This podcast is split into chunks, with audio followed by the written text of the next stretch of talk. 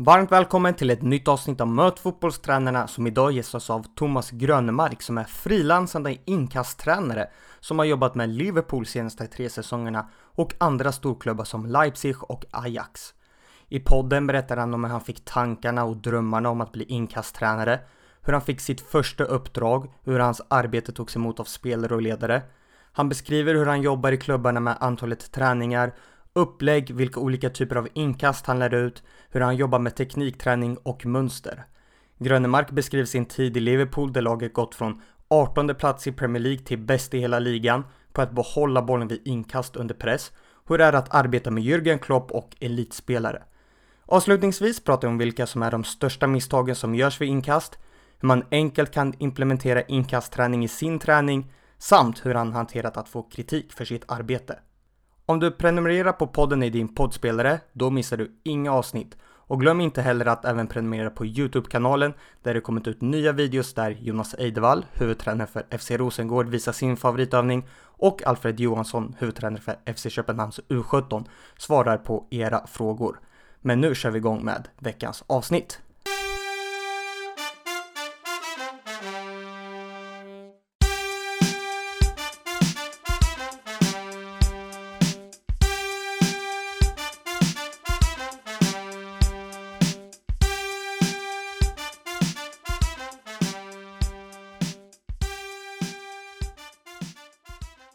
Age, 44, family, a wife and two kids, living in, Denmark. best player you coached, I think most of the players from Liverpool FC. favorite team, I have no favorite teams. I'm uh, favoring the teams I'm coaching. role model, Uh, it must be my two cousins, Bent and uh, Johnny. Grass or artificial. Grass. This is uh, maybe a trick one for you. Suit or track tracksuit on the games. or tracksuit. Where do you sit on games?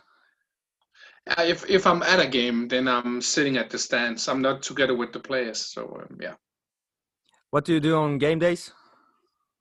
yeah. Normally I, I'm seeing the games on on television, so um, analyzing all the throw-ins. Interest outside football. I'm uh, interested in uh, basketball, athletics, art, architecture, music. Yeah.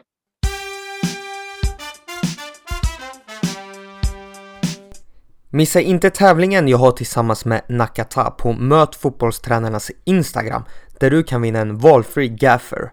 Välj mellan Sir Alex, Klopp, Mourinho eller Wenger. In och delta nu.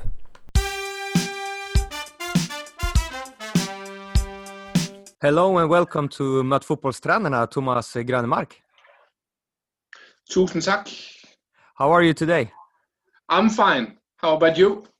I'm really good. I'm really happy to have you here. Yeah, it's fantastic to be with you. I'm looking forward to uh, tell uh, a lot of things about throw-ins. How's your day looking like today? You're now in Denmark. Yeah, I'm in Denmark. It's I'm doing some uh, throw-in analysis. I'm going to see some uh, Europa League qualification tonight. Then yeah, I have a little bit of a family time too, uh, preparing my visit to uh, to a club next week too. So yeah, a little bit of everything. Today you are working as a throwing coach, but what is your background in football? Yeah, I've been playing football myself for what was that 14, 15 years, and I reached the highest uh, youth level in in football. I came on, played the best U19 league in Denmark. Also played against great players like, uh, for example, Thomas Gravesen, uh, who later came to Hamburg and Celtic and Real Madrid.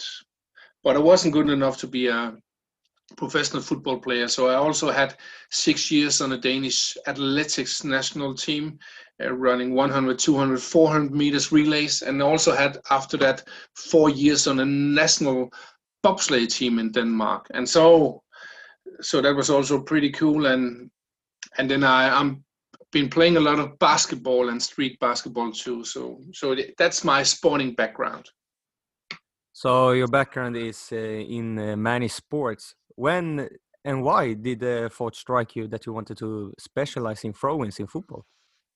Yeah, it was in 2004. Uh, I think it was in January. In, it was in the middle of that bobsleigh period, and sometimes in the warm up we played some uh, some football, and we had a cooperation with the German bobsleigh federation. So sometimes in the warm up we played uh, Germany against Denmark, and suddenly I thought, hey, after I, I had made a, a long throw in um, at that indoor football arena, I thought, hey if I can make a good throw in myself, can't I teach other players to do it? So so after that bobsleigh trip, I went directly down to my local library to find that book about throw-ins. But there was no books at all, so I had to do my own throwing course. So I used approximately six months where I like video analyzed myself and all the movements and everything. And then in the fall 2004, October, I had a throwing course and I didn't know if it would work, so I had to find a team, and it could have been a, a youth or amateur team. But I had the courage to contact a local Superliga team in Denmark called the Viborg.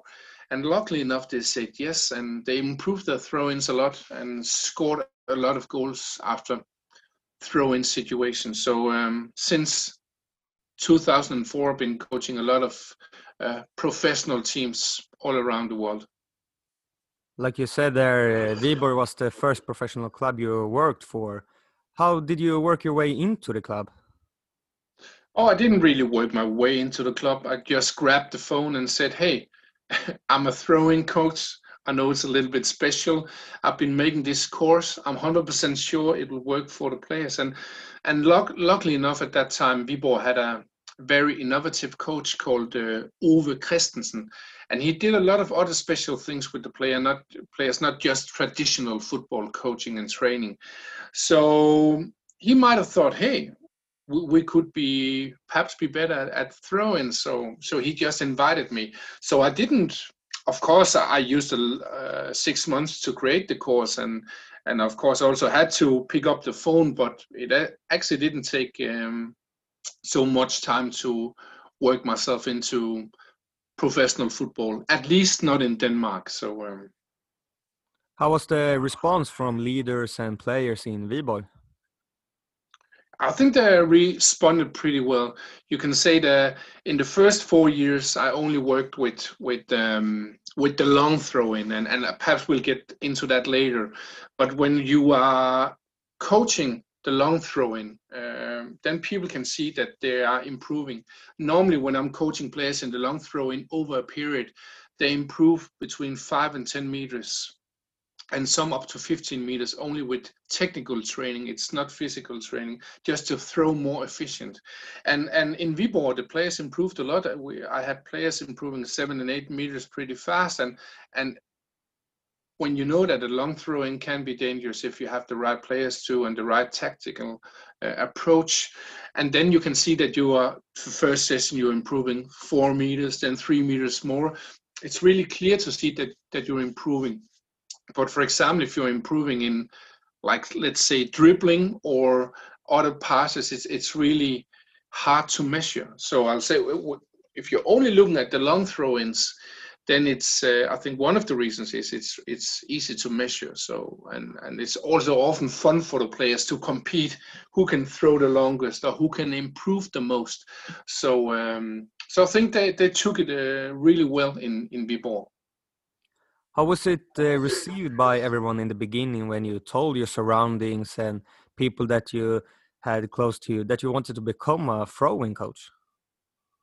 Yeah, first of all, of course, I had a lot of people who were supportive and said, "Oh, we believe in you," and uh, that's totally great. And it takes courage to be the first one in the world to to do that. Um, but of course, there was also a lot of people laughing, and and that's the way it is sometimes. If you're the first one to do anything, it doesn't matter what it is in the world. Uh, there are some people who are skeptical, and um, so but that's okay for me it didn't it didn't stop me at all uh, and perhaps there were more people laughing than people supporting but i could see that it worked and i had my i had my knowledge i had my analysis so so for me, it didn't matter at all that people laughed. Of course, it's it's of course if if you can feel that hundred percent of all people are supporting you, clapping you on the, your shoulder, it, it, feels nice. But if you want to be innovative, be the first in the world, tr- try to um, uh, yeah do things different. There'll always be people who are skeptical, and that that's totally fine for me. Today, you have worked with uh, many big clubs such as Liverpool, Leipzig, and Ajax, to name a few. How do they recruit you? So most clubs they're contacting me directly uh, because they've heard about me, and and if I have to go back to July 18, um, yeah, approximately two years ago, I've been coaching a lot of um, a lot of professional Danish clubs. I think it was seven or eight different clubs in, in either shorter or longer periods. I've also been coaching a little bit in Brentford in the championship, two seasons in, in England, had coached some international players who came to me uh, as an individual. But I didn't really have my really big breakthrough. But then in, in in June, June 2018, one of my players from FC Midtjylland, Andreas Poulsen, he, he had improved his throw-in from 24.25 meters to 37.90 meters. So he improved almost 14 meters only with technique. And he was only 18 years old and he was sold to Borussia Mönchengladbach for approximately, uh, yeah, 3 million euros or 25 million Danish kroners, 30 million uh, Swedish kroners or so. Um, so I was proud of that. So I made a tweet. Uh, uh, I think it was was uh, the end of June, where th- where I wrote, "Hey, proud of Andreas Poulsen, who was sold to Borussia Mönchengladbach. He improved his throw-in from, yeah, this to this, almost 14 meters." And then there was um, a journalist from a small Borussia Mönchengladbach media who saw that, and he contacted me and asked me if I. Um, he could make an article with me. And i said yes and, and he made an article. I thought hey pretty cool. Um, but then there was a journalist from the german newspaper bild who saw that article. And he called me too and said hey can we make an article in bild? And many of you know that bild is really big newspaper in germany. Several million people are reading it every day and it was that article that both uh, Jurgen Klopp from Liverpool FC, but also Ralf Rangnick from uh, RB Leipzig read at that time. And so, so sometimes it's it's small initiatives who are you know doing great things. So, so I was I was riding uh, in my car.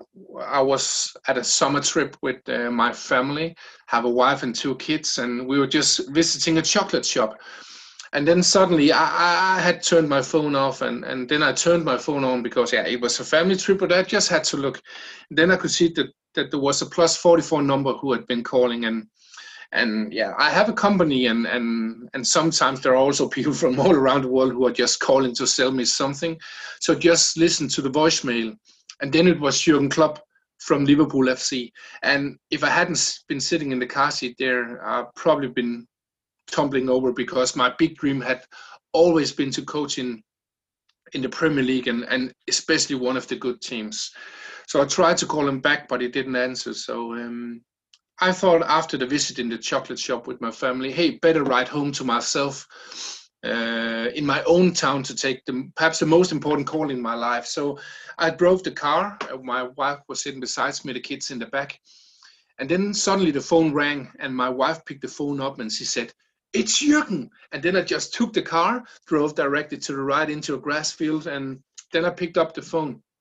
It was Jürgen Klopp, and he said, We had a fantastic season in the 17 18 season with a, a, fourth place in the Premier League and, and a Champions League final, even, even though we lost to Real Madrid. But almost every time we had a throw in, uh, we lost the ball. Um, so he invited me to Melwood, Liverpool's training ground, the week after. And it should only have been a meeting but Jurgen Klopp was so convinced already after the meeting that I had the chance to coach uh, 21 Premier League players, uh, the players who weren't injured or at vacation after the World Cup. And the week after, where we signed a contract. So, so right now I'm, I'm, um, I'm at my third season in Liverpool, and yeah, it's been fantastic to to be a part of both, of course, the Champions, uh, uh, Champions League victory, but also uh, the Premier League victory last season after 30 seasons uh, of waiting time of 30 years. And and back again to your question. So, yeah, Liverpool they they contacted me directly. RB Leipzig did. A lot of um, teams are contacting me directly via my homepage on LinkedIn, on Twitter, WhatsApp, things like that. So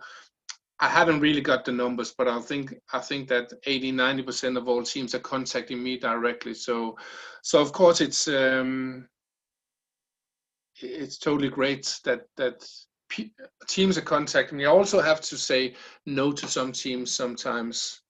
So um, yeah, that's the way it is at the moment. I'm I'm just uh, enjoying it. How was your first meeting with uh, Klopp?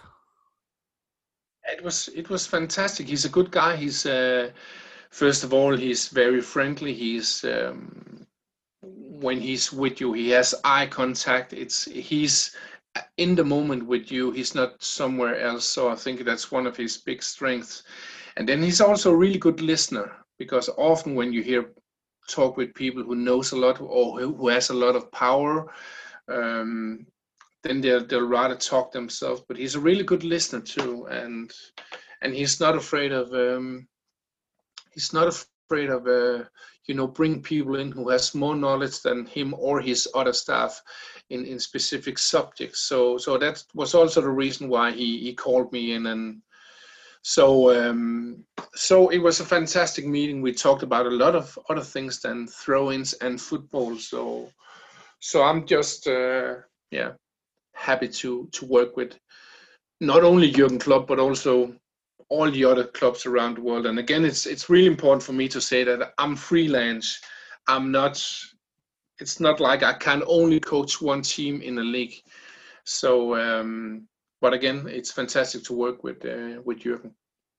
If we take uh, Liverpool as an example, what does your job look like with them? My job looks like uh, the last two seasons, I had five visits per season. Uh, and with a visit, I'm I'm coming to the club and then I'm coaching either two, three, or four days. I'm not coaching uh, 90 minutes or, or, two hours every session. Normally, it's between uh, 30 minutes and 45 minutes per session, and, and, of course, it's because it's because I've been there like like for a long long time now. And in these sessions, um, I'm I'm working with my long, fast, and clever throw-in philosophy. And in the start, we worked, you know, a bit with the long throw-ins, but but in Liverpool, we don't take any long throw-ins towards the opponent's goals, goal. But but most of the times, we're working with with uh, the fast and clever throw-ins. And to be specific, it's it's really much about creating space on the pitch. Um, I'm working with three different zones on the pitch and 40 to 50 different throwing tools. So um, that's what I'm doing here. And of course, when I'm starting in a club, it was the same with Liverpool. I'm doing a lot of basic things to, to make the players understand because no players have really worked with the throw-ins before, at least not not deep. And then when I've been working with the basics, then I'm going more to the specifics. What is the the the challenges of this specific team? What can they improve? Uh, but i'm also i'm also looking at at video analysis. So for example in in liverpool i've been there five visits uh, per season and then i'm also been analyzing all games. But in some teams for example last year was in in ghent in belgium with t and um, and I had three visit there, visits there, and only did a little video analysis. And some teams, I'm I'm only having an inspirational visit. I'm coming and coaching two days, and that's it. And in some some teams, a lot of teams are then saying, "Hey, we want more of that." So so it's really different from team to team how much time I use on yeah on each team. In general, what kind of uh, throw-ins are you teaching? Yeah, again, you can say I'm I'm teaching everything you can imagine around the throw-ins, both how to make the players throw longer, so they can first of all in some teams have a set piece weapon uh, but in all teams it's important to throw longer because um, the longer the, you throw the more the greater throwing area you have so you can throw to more teammates. Um, but i'm also coaching the fast throwing that's all about how can we throw the ball fast when shouldn't we throw the ball fast because sometimes it's really bad to throw the ball fast if you're throwing the ball into a pressure situations. I'm also coaching uh, counter-attack throw-ins. You can't be offside on a throw-in. That's also good. And then most of my throw-in work is also how can we create space because it's the different tools in space creation uh, it's different from zone to zone because uh, at the defensive zone at your own penalty area you're under high pressure you have a small angle. If you lose the ball there it's dangerous. But also on the other hand if you can play out of the pressure there you can often make a transition that's really dangerous. In the middle zone you have you can throw in 180 degrees. You have uh, many options. You can include all your players of course not the goalkeeper but all the other players on the pitch and then you can say in the, the attacking zone at the opponent's penalty area, you have a, a small angle. Uh, and because you are so far away from your own goal, you can like take bigger risks because it's not so dangerous to lose the ball at the opponent's penalty area, at least not compared with your own penalty area.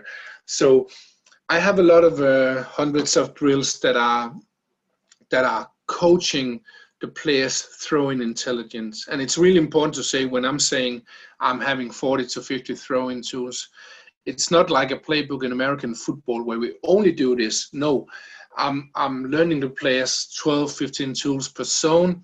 And then they are like, if they try to, for example, create space in the near area, if that if that's not possible, then there are, there are often created space in three or four other areas around in this zone. So so I'm I'm that's what I'm learning the player. So so some some analysis people are saying, hey, for example, when we scored against Wolverhampton last season after throwing goal, then then they're saying, oh, Hendo ran there, then Bobby Firmino ran there, and then it was Gini ran there, and Mo Salah ran there, and then suddenly Bobby Firmino was free.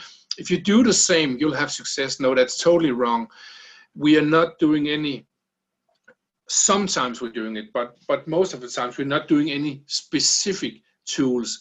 But because the players have learned what works what doesn't work and the general stuff um, and what you can do in each zone then we have millions of options. So uh, in, in in theory.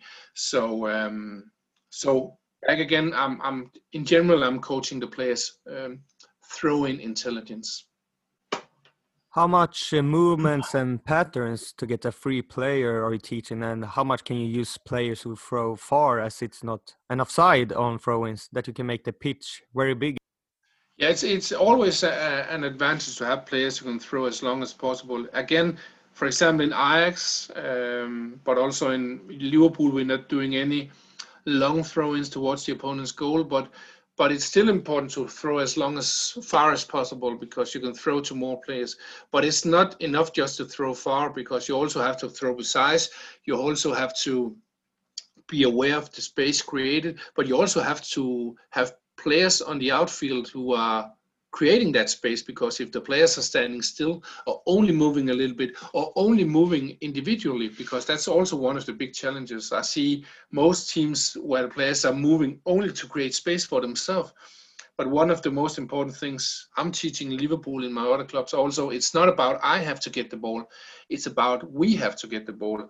So we have to create a lot of uh, movements and, and running patterns that's not uh, supposed to create space for you, but to create space space for your teammates. So so that's what I'm doing, and and the way I'm teaching the players is is all the way from really really small individual um, uh, drills exercises to, for example, one thrower and four versus four, and then we're doing some specific things. It could also be with a secret thrower where we don't know who should throw. It could also be a five versus five interval game with a narrow pitch with two big goals, two goalkeepers. When they are using some of the tools, I'm learning them. it could also be 11 versus 11, full match intensity, and then we are taking, for example, five throw-ins in each zone, and then we're working with both the attacking part but also the defending part because that's also a thing I'm working with. How can we take the ball from the opponents when they have a throw in? So uh, that's also really really important.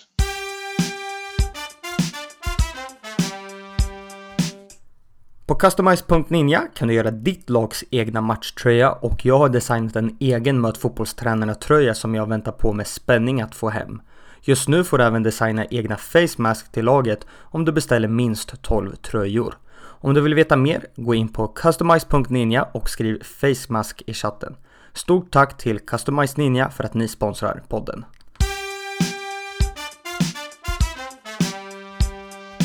In the training sessions, are you mainly fullbacks you work with or all the players? It's mainly all the players. Sometimes it can be a smaller groups, but it's mainly all the players because if I'm only working with the fullbacks, we are not getting the right sp- uh, space created from the outfield players. So I'm working with all the players um, most of the time. Of course, sometimes I can do some specific things with the fullbacks, either with the throwing itself or like with the following passes or movements. But most of the times, it's it's all the players. So um, yeah, that's the same in Liverpool too. How would you evaluate your work at Liverpool? These are impressive numbers that Liverpool went from the 18th best teams to manage to keep the ball at throw-ins to be the best team in the Premier League. Yeah, I'll say that um, I'm really happy that these numbers came from from other people than me because it's not my own numbers. It was Chief of Football who did that. And before I came to Liverpool, Liverpool were number again, as you said, 18 out of 20 in the Premier League with a possession of 45.4%. And and um, in my first season, we went up to 68.4%, and so went to number one in Premier League. Also went to number two in Europe after one of my other teams, uh, FC Midtjylland from Denmark.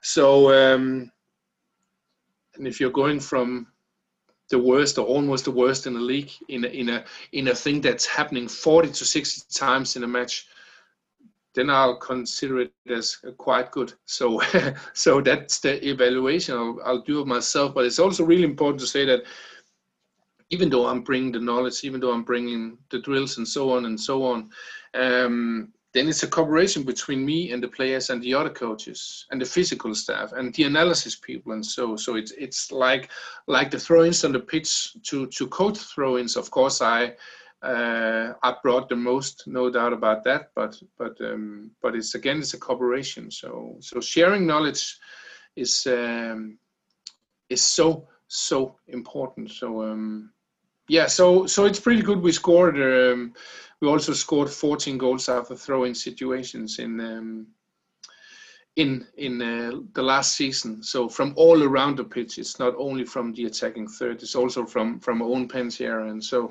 so it's it's really important. And one many people are underestimating throw-ins. And as I mentioned before, there are normally between 40 to 60 throw-ins in a match. But it's also when I'm getting the the videos from Liverpool, the analysis people, the attacking and defending throw-ins, and that's just a few seconds before we get the ball in our hands, and then it's the following situation affected by the movements we are making in the throwing coaching.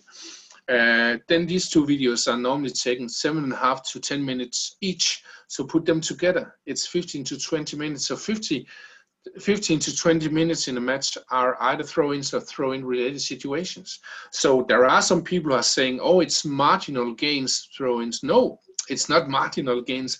It's gigantic gains. The only reason why some people call it marginal gains is because it's it's never been taken serious in football. We've been playing football for 140 years. So so and and I'm the first one who are really digging deep in into throw-ins. Of course, some people have thought about throw-ins before, but as I hear and as I can read, it's only been a little bit. So, um, so, but all that's of course my advantage that um, that no one have thought about, really thought about throw-ins before. Last season, Liverpool scored the 13 goals after a throw-in. What did those goals look like, and what did a throw-in contribute to the goal? Yes, uh, I mentioned a little bit before, but but the the throwing goals last season came both for from our own penalty area. It came from the middle of the pitch. It came from the attacking third. So I'll just say that that we use the tools. I'm I'm I'm coaching the players, so if we have to uh, wrap it up to one word or one sentence, it's about space creation.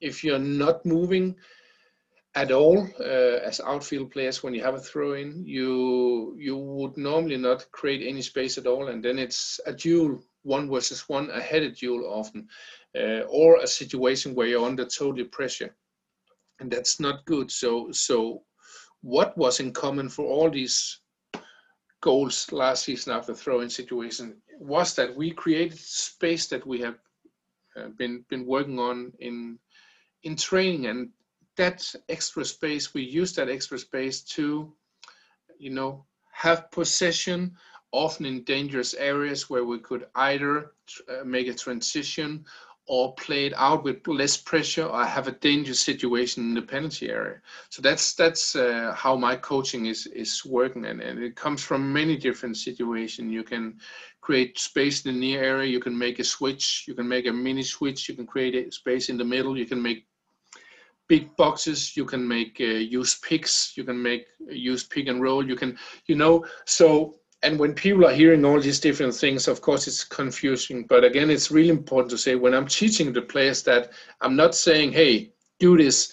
I'm I'm learning them all the basic things first because let's compare it with a normal pass when you're starting to play football you're learning the, the short pass when you're starting as three four five six years old. The short five to ten meters pass with the with the foot. And then you're building on building on and building on. And then when you're seeing professional football players they can make uh, complex uh, attacks because they've learned all the things.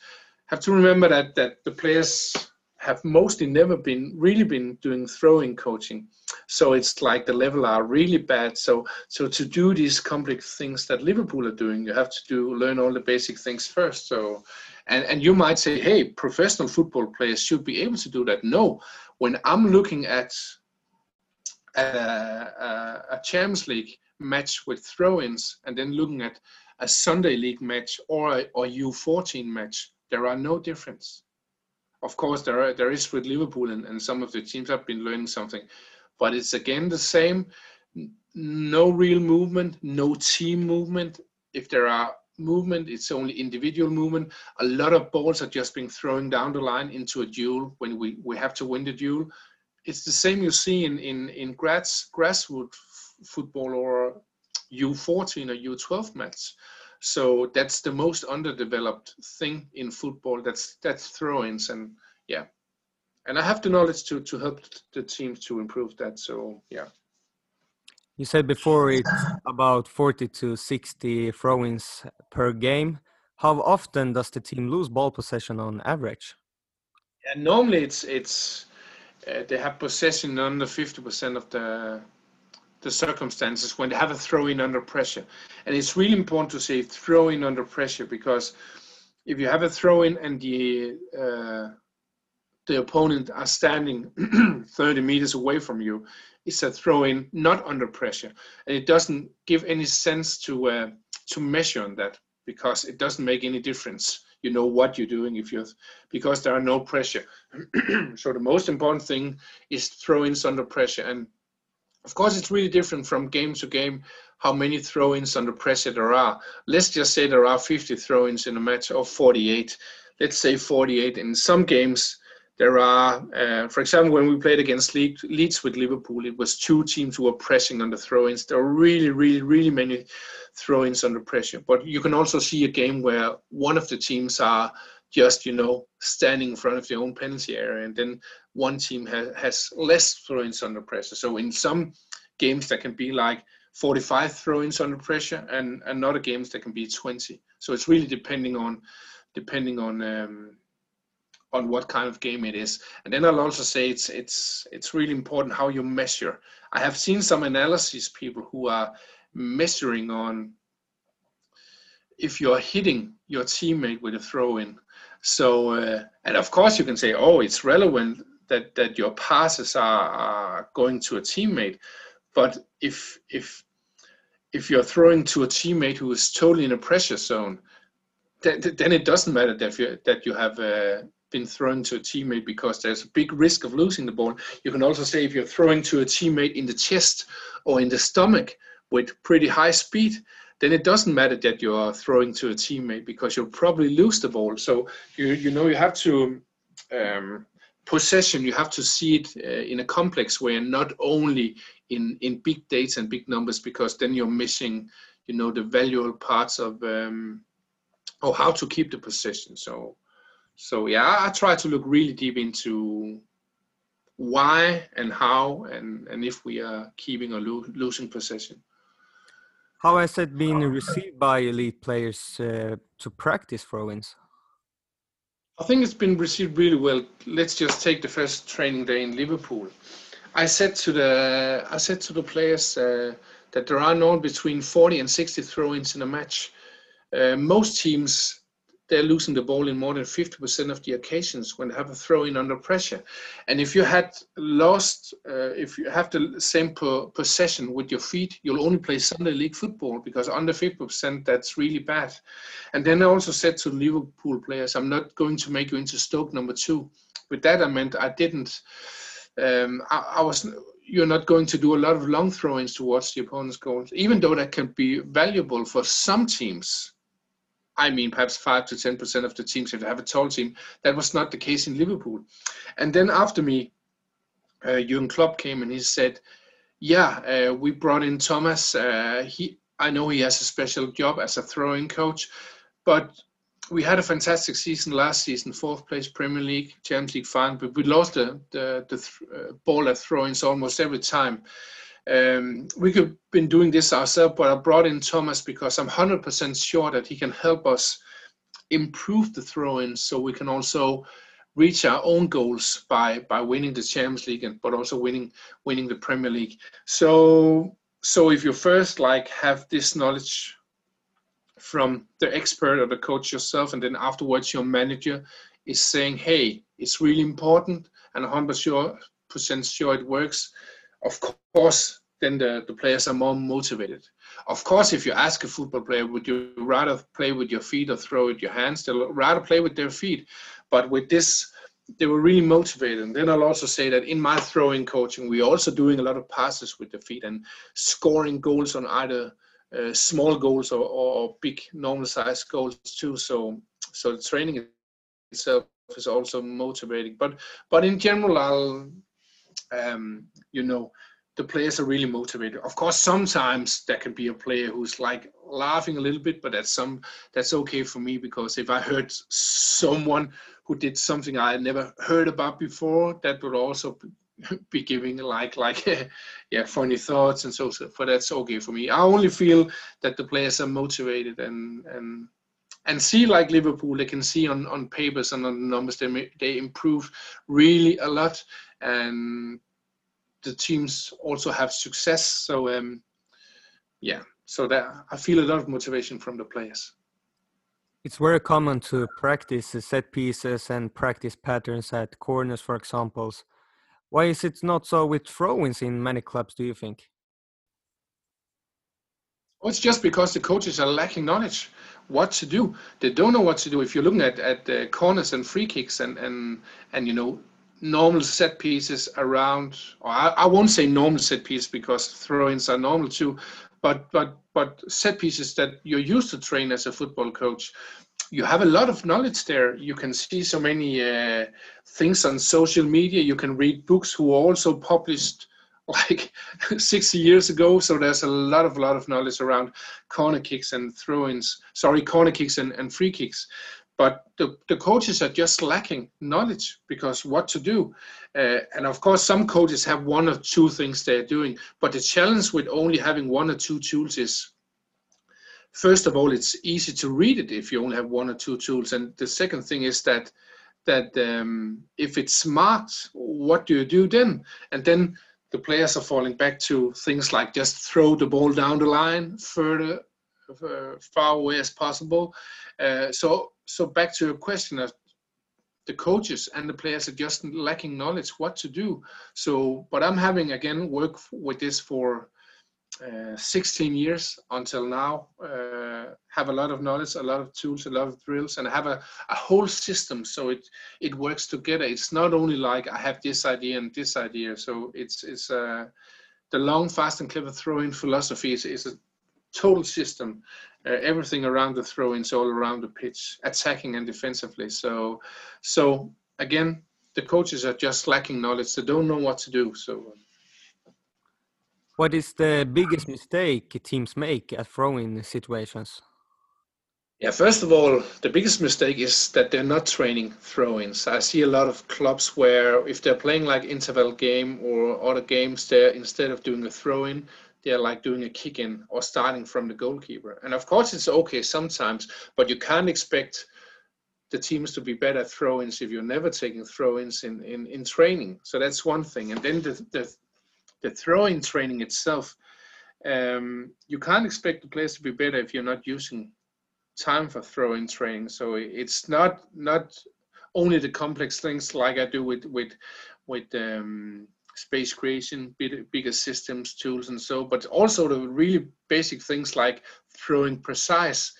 If, if you can't throw to a teammate's feet in, in distance from 8, 10, 12, 15 meters, then you have a challenge because you're already it's it's already a bad situation if the ball is coming to to the chest or or to the hip if it has to go to the feet like most throw-ins have to so that's also one of the mistakes that that uh, that the coaches and the players are not doing the the simple the basic things and then one of the biggest mistake I mentioned a couple of times now is that many teams are just throwing the ball down the line because some coaches are saying it's better to lose it 30 meters down there than lose it here. And you can say, in theory, that's right. But the challenge is by just throwing down the line uh, in small boxes, as I call it, with big pressure, it'll, it, will often go to the head. So either you'll often lose the duel, or if you win the duel, you'll often, for example, flick it uh, onto the central defender from from the opponent. So that's the real bad strategy. I'm not saying you can never keep possessing by doing that. I'm not saying there's never been scored a goal after that strategy.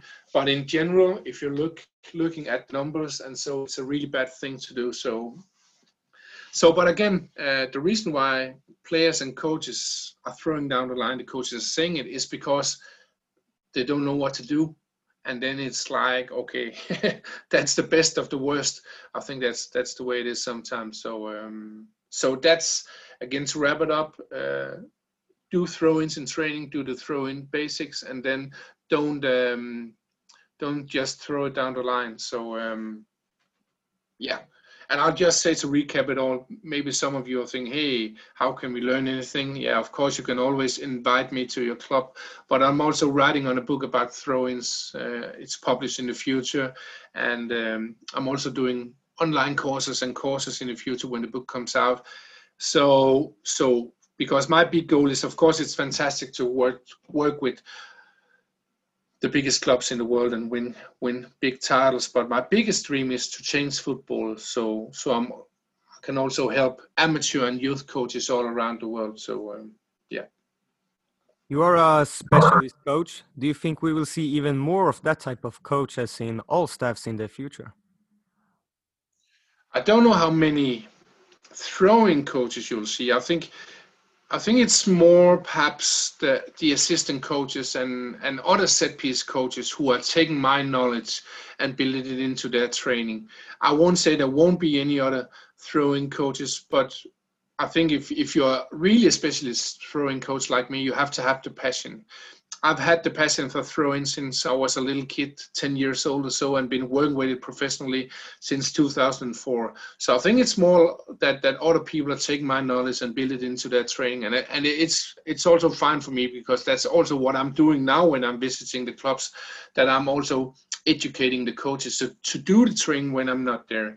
And then back to your questions again, I think there'll be more even more specialist coaches in other areas. I think it's just important that if you want to be a specialist coach in one area, first of all, I think it have to happen many times in a football match, or it has to be really, really, really important.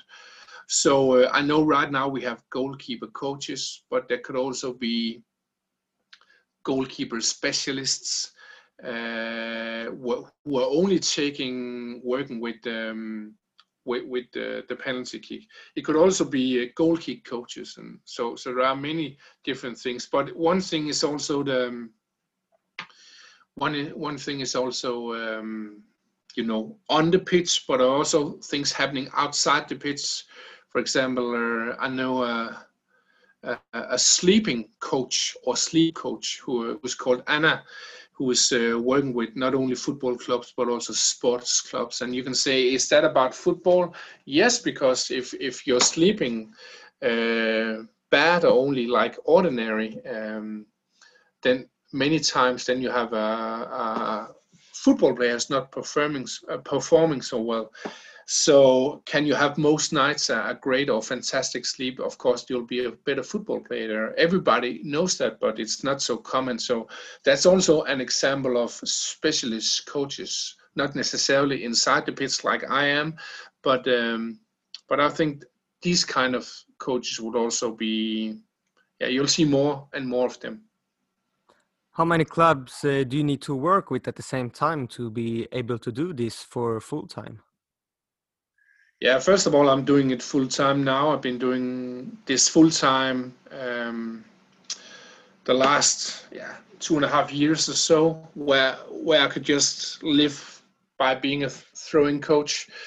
Um, and of course, it's really different because when I'm having like a full season contract, like I call it with Liverpool, with five visits and analyzing all the throw-ins, then it's it's it's more work but also paid better than if I only have an inspirational visit. So it's all, also depending on on um, on on uh, how long the contracts are and uh, numbers of visits and so.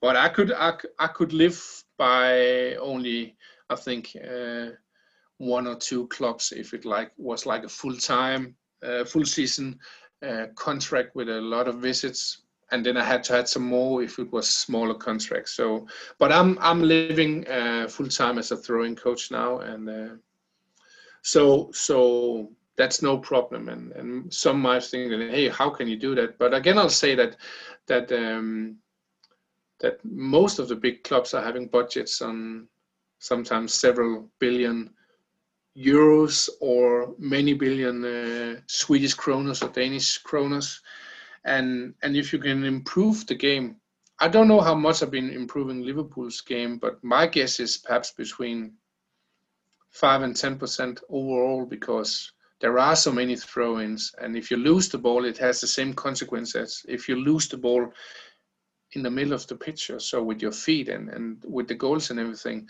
And if you are if you can make if you can make a club improve pretty much in the general performance, then of course you have to be paid. So um, so yeah, so so yes, I can I, I can live uh, full time from a throwing coaching, and yeah, I don't need many clubs to to do that. You have also received some criticism. How have you responded to it?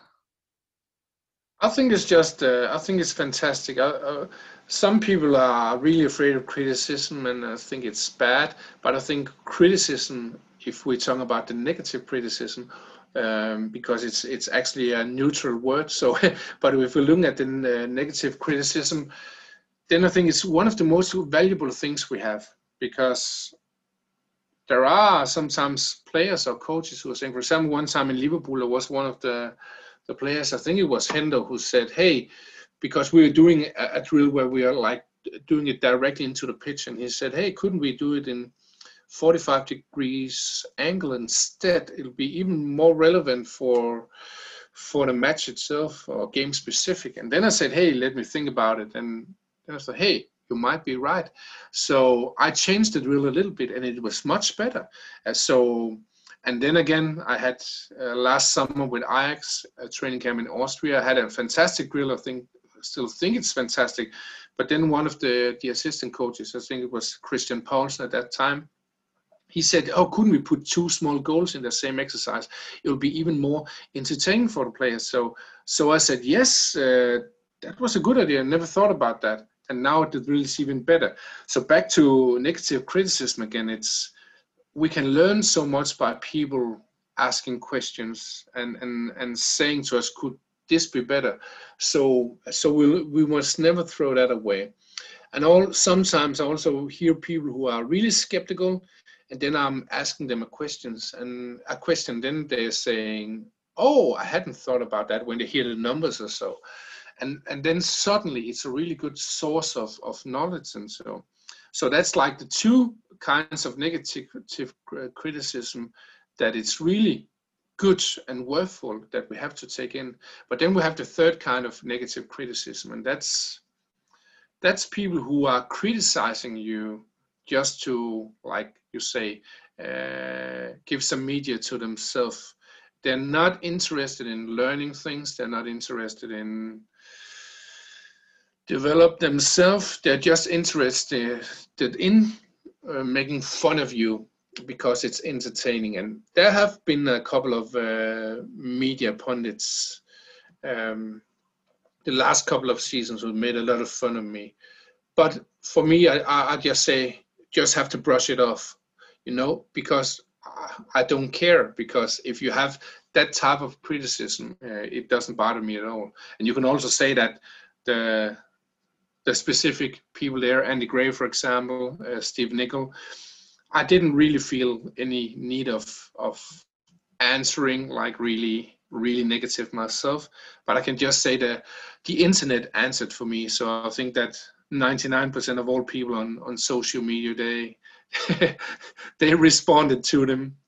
So um, with things like they were dinosaurs, and so I didn't feel the need for that. So so again, back to your question, I think criticism, negative criticism, is really important. It's one of the most important things in a society because we can learn so much. But if the negative criticism is given just to harm you or just to to give yourself credit or or to entertain other people by doing that, uh, it doesn't matter for me. I just brush it off. If the listener wants to contact you, how can they do that? Yeah, first of all, they can go to my homepage, thomasgrønnemark.com, and I'll also say that I have some free drills for football uh, coaches I'm giving to the people on my newsletter. And if they want to have these four, my best four basic throw-in drills, then they have to go to uh, and then slash free. So uh, it's almost uh, 3,000 people who's been been in a couple of months who's been coming on my newsletter. So it's I really enjoy to to give that knowledge on. But they can also find me on social media like uh, LinkedIn, Twitter, Instagram. I also have a Facebook page, Facebook group. So so you can all almost contact me anywhere. Just search uh, Thomas Grønnemark with O, uh, then then you'll find me. So. The last question: Which coach would you like to listen to in the podcast? That's that's really hard. Um, to be honest, I don't have a, I don't have um, any specific. If I have to just just think about, we we just played, uh, we just played against Leeds, and um, I think that Bielsa was he's pretty interesting. Not only because he's a very good uh, coach in general, but also because he's a, a different person. I think so so but I, to be honest i don't know if he's the kind of guy who like going to podcasts and so but but if i had to listen to one at the moment it would be um, bielsa from from leeds i think. Thank you thomas for taking your time. You are absolutely welcome